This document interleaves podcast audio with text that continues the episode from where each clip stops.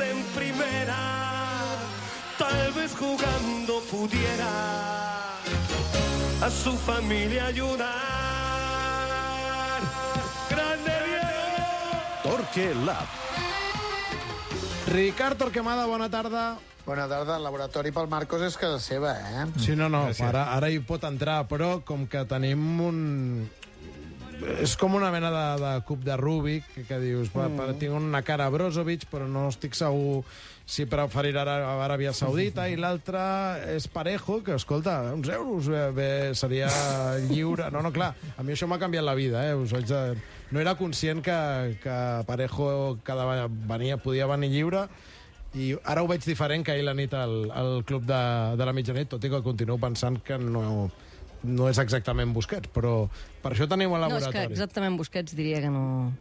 No, no, ja sé que no hi ha un altre, un altre Busquets. Ricard, què, què fem amb el mig centre, amb, amb, tenint en compte que aquí mig i Subimendi ens els l'haurem de pintar l'oli, que Brozovic ja ho veurem, que Parejo, com a mínim sabem que l'ha trucat Xavi, que entenc que vol dir que l'entrenador avala aquesta, aquesta possibilitat. Com ho veus?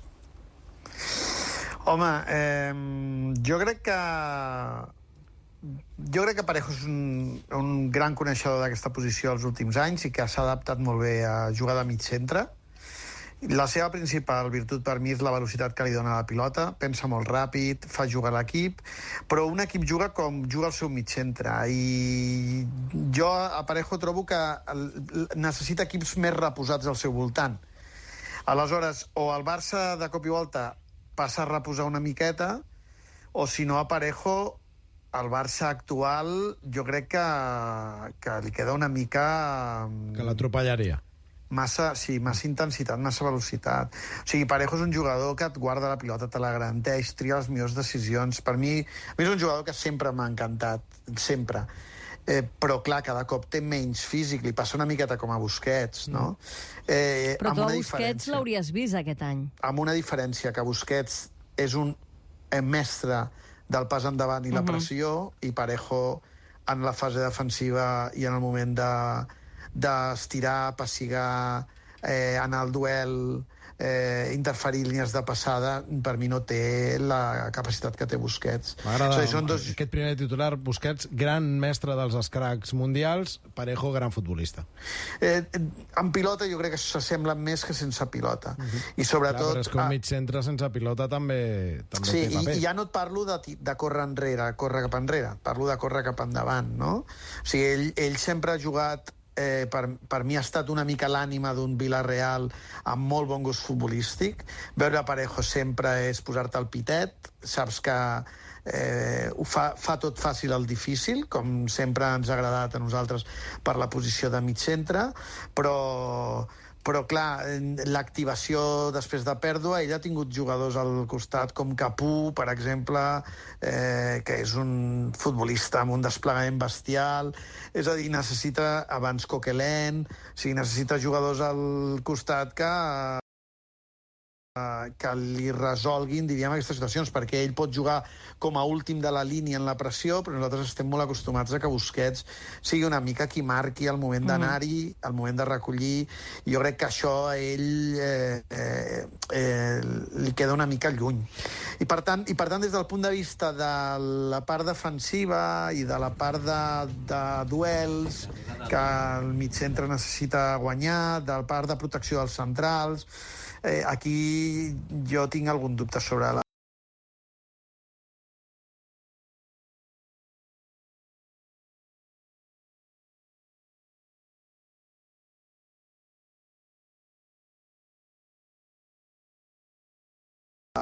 l'opció Parejo, tot i que, clar, com que estem graduant les opcions de plans A, plans B, plans C, ja no sé quin és, eh, per mi no és el mig centre ideal, tot i que crec que hi ha una part que, amb la qual ens identificaríem molt ràpidament, perquè, com deia la Laia, és intel·ligent, però a més entén el futbol i té un peu delicadíssim la recança, els dubtes eh, absolutament fonamentats del Ricard Torquemada sobre Parejo. De em sap greu perquè últimament cada cop que faig un Torquelab dubto de tots els no, possibles no. fitxatges. Dubte, eh? dubtessa. Deixa'm acomiadar els espectadors que ens han seguit a través del canal Esport 3 en aquesta primera hora de Tot Costa, com sabeu, a la sintonia de Catalunya Ràdio, i serem fins les 9. I fins les 9, una de les preguntes és, Parejo, tens dubtes? En tenies menys o en tindries menys si l'escollit, si la presa fos Brozovic? A mi m'agrada més, sí. He de dir que en pilota no té eh, el talent, l'agilitat mental de Parejo, però pel context del Barça de Xavi, que jo veig, jo crec que ha quadrat més Brozovic, perquè fins i tot estem parlant del quadrat. Clar, si tu em dius, no, és que el Barça jugarà amb tres al mig, molt posicional i amb dos interiors, però el Barça no està jugant així i tinc la sensació que no anirà per aquí.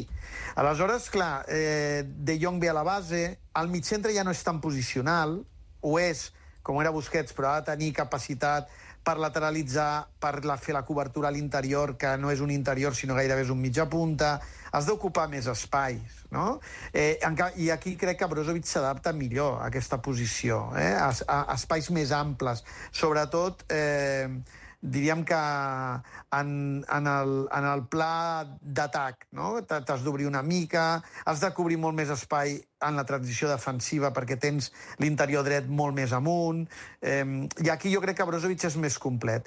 No li, dona, no li donarà al Barça l'alegria futbolística que li donaria Dani Parejo, aquesta capacitat que l'equip eh, tingués eh, velocitat i fluidesa, però el Barça hauria de reposar més en Parejo. I en Brozovic, per mi, eh, el canvi entre Busquets i Brozovic faria que l'equip no hagués de canviar tant el registre que té ara Xavi. Tampoc no sé si és que Xavi vol reposar més l'equip, que aquest és un dubte que sempre hem tingut amb Xavi i potser mm. doncs té la possibilitat, però mentre hi hagi De Jong eh, en aquesta posició gairebé en paral·lel a la base per jugar amb dos entre línies que fa la sensació que el camí és aquest, Eh, jo crec que Brozovic té un gen competitiu desenvolupadíssim, ha jugat amb Modric i Kovacic al mig camp i els hi ha fet la feina bruta, però els hi ha donat pilota perquè la pilota amb Croàcia fluís, és a dir, amb espais curts és, és precís, interpreta bé, no li demanis, diríem, una lectura de situacions d'emergència en pilota,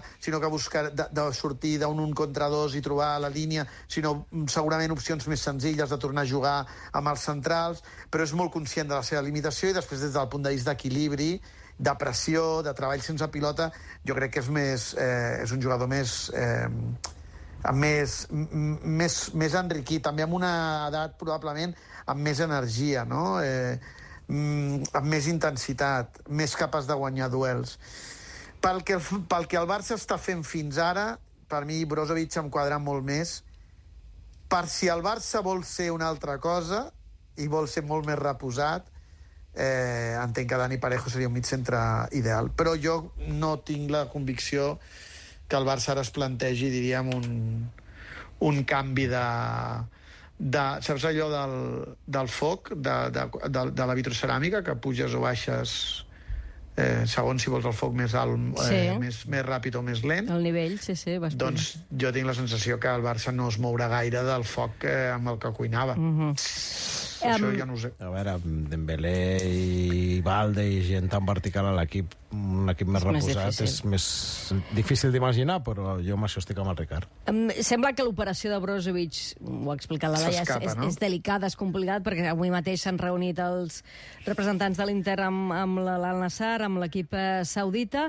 Per tant, um, anem a intentar que el Ricard ens respongui la pregunta que fèiem avui al Toc Costa. Quin era avui? Que si el Barça no pot fitxar el mig centre top que demana Xavi, i, i t'incloc aquí Brozovic, tot i que mm -hmm. els tops que de Xavi ja sabem que són Zubimendi mm -hmm. i Kimmich, però mm -hmm. anem a incorporar aquest perquè Val. pugui respondre a la pregunta que avui hem plantejat a la nostra audiència. Val. Entre les quatre opcions que et donem, amb quina et quedes? Una és la del pla B, que ara deies els teus dubtes sobre Parejo, i pots incloure mm -hmm. aquí Romeu, que no sé si et genera mm -hmm. més o menys dubtes. Mm -hmm. Una segona opció és Nico, una tercera alternativa és apostar per uh, gent que ja tens a la plantilla, estil De Jong o Gundogan, i la última és mirar cap al planter. Tu d'aquestes quatre, què és el que faries si fossis uh, Xavi? Però si no em gasto si diners... Barça. Si no em gasto diners representa que els pots invertir en altres coses, no? Entenc? Sí, exacte. Eh, Bé, si, si, si els arribes a tenir, clar. I tampoc clar, són molts que... diners, Ricard. No et no. deixarem que a canvi puguis eh, clar, portar... No, dic, com diria clar, Gerard clar, Tautet, deia... no et flipis. No, sé, no t'ho deia perquè les, les quatre opcions... Curt. Les quatre opcions tenen registres econòmics diferents, no? Um, bé, uh, sí, bàsicament n'hi ha una que és la del pla B, que gasta escalers, i les altres tres són de Nico, de Jong, Gundogan, mirar el planter... Parejo, poc. Sí, Parejo poc, però incorpores una fitxa nova, clar. Això sí. Bé, jo en general, per, per intentar simplificar, eh, de les quatre, el que jo faria no té cap sentit, perquè si el Xavi sobre Nico ja, ja s'ha manifestat, per tant aquesta la Bé, descartaria. respecte a Nico, eh, jo crec que Xavi assenyala unes mancances semblants a les que tu hi veus a Parejo que és eh, Eh, eh, sí, la seva falta eh, d'equilibri a l'hora sí. de defensar. Potser Sí, en el que pilota que en Parejo pilota és millor és, és Parejo molt que millor que Nico, Nico. Sí. Em, Per, per això, per això pa- Xavi contempla Parejo i no contempla Nico. Clar, evident. Ja, jo, mira, jo sí, com que Parejo és... Eh, va, va, va a zero i tampoc no em dones, no, no, vull dir, no em dones aquests diners segurs per fer una altra cosa, doncs potser tiraria per aquí i després amb el que tinc a l'equip o apostant per gent de la casa perquè tampoc sabem si Parejo podrà jugar molts partits al màxim nivell, vull dir, haurem de buscar més d'una solució. Doncs aquesta és la del Ricard, dificilíssima, com, com ho és per, per club i pel Xavi trobar el recanvi a Busquets. Ves qui ho havia de dir, eh? Busquets fora, Busquets una tartana, i ara resulta que el, el drama serà trobar un mig centre digne per començar la, la temporada. És que realment és sorprenent. Uh, Ricard, uh, gràcies. Adeu a tothom.